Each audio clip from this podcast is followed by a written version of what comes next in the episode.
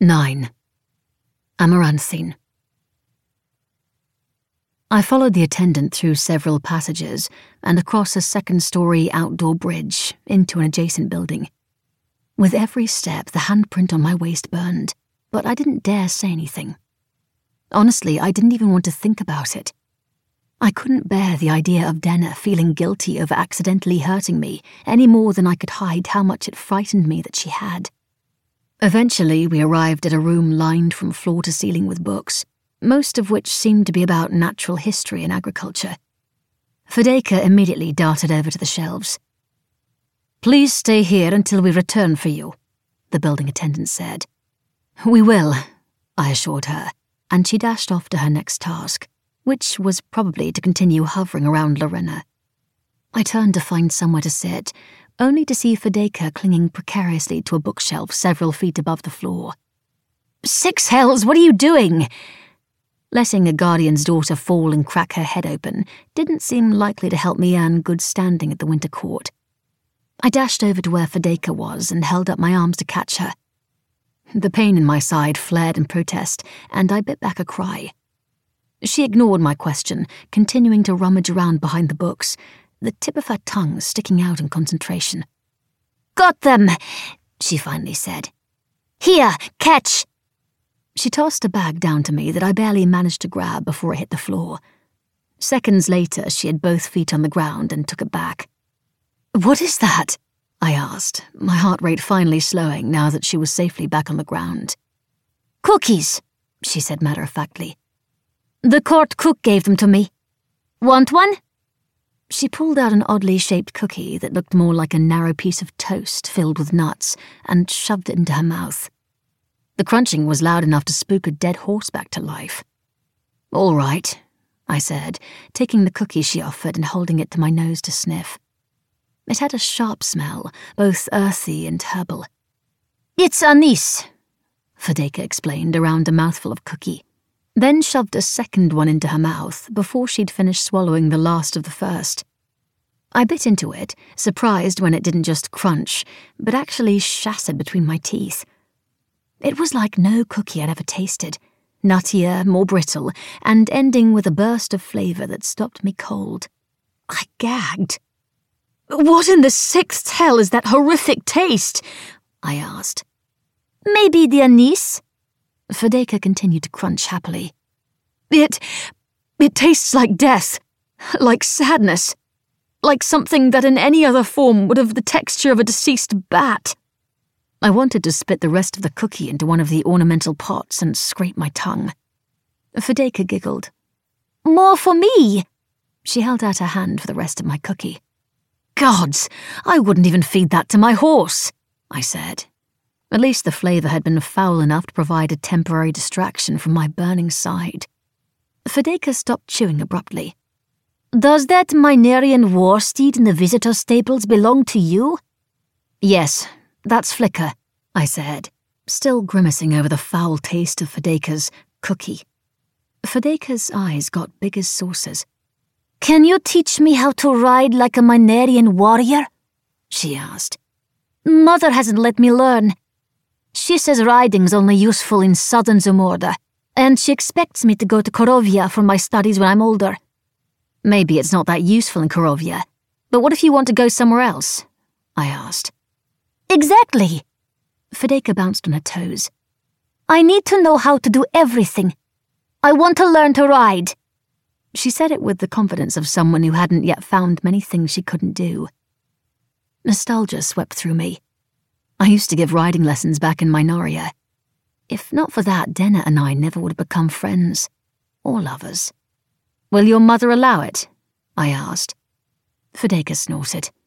She doesn't care what I do as long as I do well at my studies. And do you do well at your studies? I asked. Obviously, she said with a roll of her eyes, then launched into a monologue about some book she was currently reading as part of her geography lessons. It involved a bunch of incomprehensible nonsense about alpine farming techniques that made my eyes cross almost immediately. I slumped into a chair and let Fedeka continue to talk my ear off. She didn't require much prompting, just the occasional nod or grunt of acknowledgement. It's just maddening that I'm not even allowed to study magic yet beyond the basics. And now it's pointless to ask for anything else because Mother is so grumpy thanks to Alec's showing up. Fedeka paused to crunch on another cookie. I sat up straighter. I heard your mother and Alec don't get along. Do you know why? I could think of plenty of reasons not to like Alec, but there seemed to be some particularly bitter history between him and Lorena that I might be able to find a use for especially if it was somehow tied to why the Sonnenborns had been so friendly to him. Well, according to my mother, he was too weak to make the hard choices required to finish Guardian training, Fedeka said. As in, his magic was too weak? I asked. No, the opposite. Fedeka set down the cookie bag and flopped onto a nearby chaise, putting her boots up on the arm in a way I had a feeling her mother wouldn't like. Alec's weakness was that as an apprentice, he initially refused to use his gift on behalf of his kingdom when his mentor asked him to. Not long after that, he broke his apprenticeship. No one does that, especially not someone who's training to be a guardian. When did this happen? I asked. Years ago. Fedeka flung her arm dramatically. It was during a battle in the West. My mother and Alec were there with Nallon, the guardian they were apprenticed to. Nallon asked them to use their powers to help with the battle, but Alec didn't like Nallon's plan. He felt it wasn't going to be a fair fight for the enemy. Moral superiority and deciding his way is the only way. Sounds about right, I said. But if they didn't act, it would have hurt the farmers farther south. So my mother convinced him to use his powers. They won the battle, but Alec felt deceived. So he turned his back on his training, my mother, and everything else. I think he spent a few years working as a hire sword at Misty Plains, near the Sonnenborn border after that. So that's how he got his title. I'd wondered about that ever since he'd said he'd grown up in the slums. Fedeka nodded.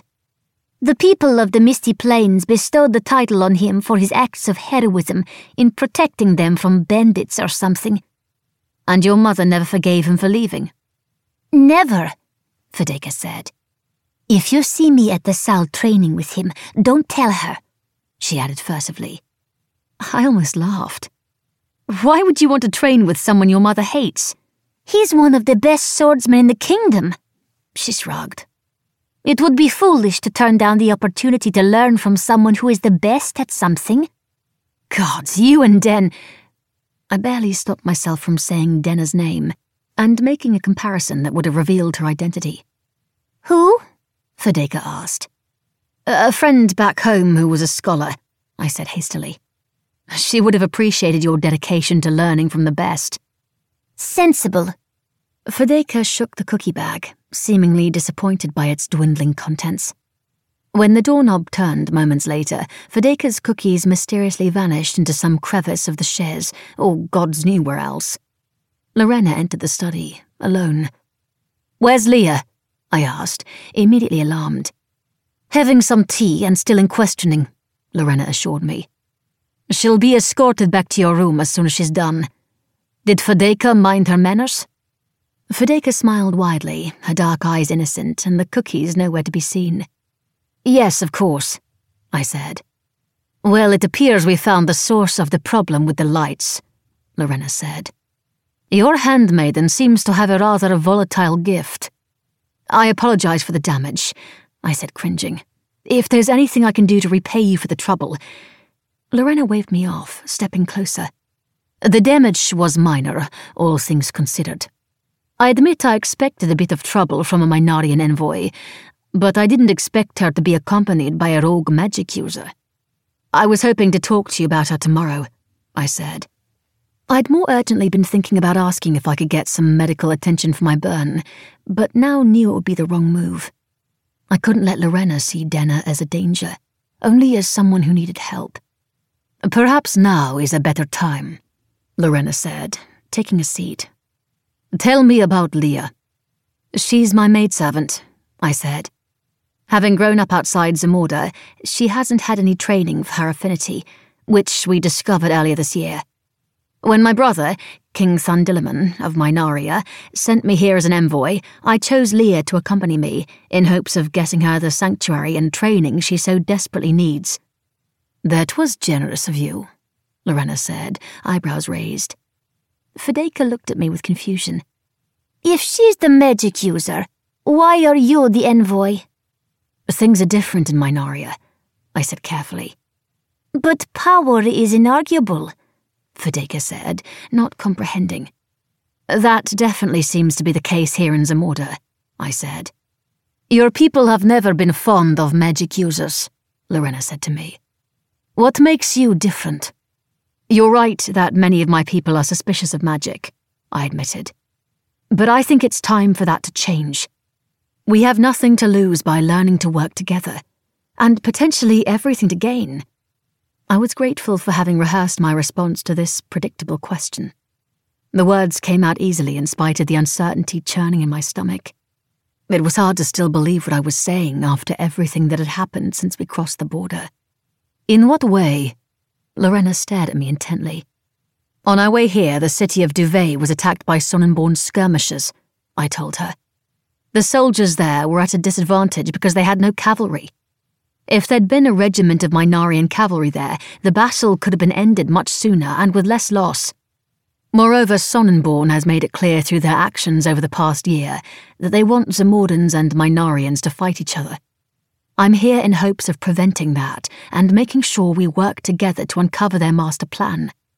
You think the Sonnenborns have a master plan? Lorena said, seemingly amused by this idea. They don't have a ruler, or even a government. I know it seems like they're just a bunch of disorganized tribes, I soldiered on. But many of them banded together and tried to start a war between Mynaria and Zamorda by killing members of my family, the royal family, and framing Zamorda. I hoped Alec's theory hadn't made it to Lorena by way of Zari yet. Lorena listened, and Fedeka sat riveted as I told the story of my father's and uncle's assassinations and how we'd nearly made the mistake of retaliating against the wrong kingdom. This Lord Kriantz you mention, his ring interests me.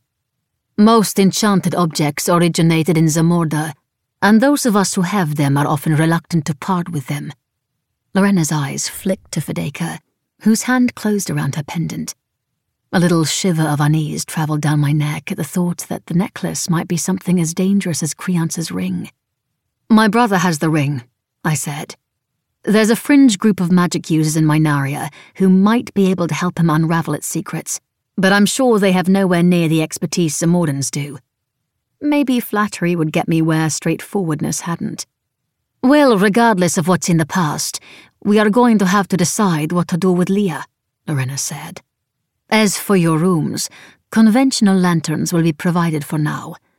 I'm afraid it may be a bit cold, the enchantment maintaining the heated floors also blew out. I don't want it re-enchanted until we've confirmed the nature of the failure, but servants are stoking up the hearths in the meantime. What do you mean by what to do with Leah? I asked hesitantly. We hope to find her training. We'll talk about it more tomorrow, Lorena said. Zari is one of the most powerful magic users in Zamorda. Her insight will be helpful. And what of the Queen? I asked. The Queen was the one I needed to win over, at least to get permission to send in a more formal ambassadorial entourage. Will she be present tomorrow? We travelled here with Sir Alec, who has a message of his own from Duvet. Out of the corner of my eye, I caught Fedeka making a wide eyed face and a neck slicing motion. But it was too late. I'd already said Alec's name. Lorena no doubt knew that he was in Kartasha, but bringing him up had apparently been a mistake.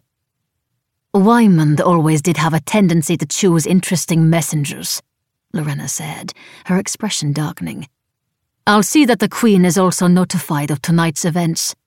I imagine she'll want to join us tomorrow, and Leah will also be expected to attend. The page outside the door will escort you back to your rooms. Lorena stood up and Fedeka followed suit. Clearly, the conversation was over. Good night, Mare. I'll look for you at the stables.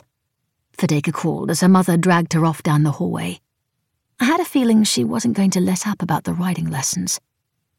I trudged after the page, feeling defeated by the day, wishing that I felt the future held more hope. Tomorrow we would see what we could do to find a mentor for Denna. Her path was laid out, but I couldn't help feeling as if mine was uncertain. If not for her powers, we never would have met Lorena tonight, and I wouldn't have had the chance to talk to her in a less formal setting. We never would have ended up getting to meet the Queen so soon after arriving in Kartasha. Even as a servant, Denna was the driving force behind every bit of progress we'd made since arriving in Zamorda. Where did that leave me?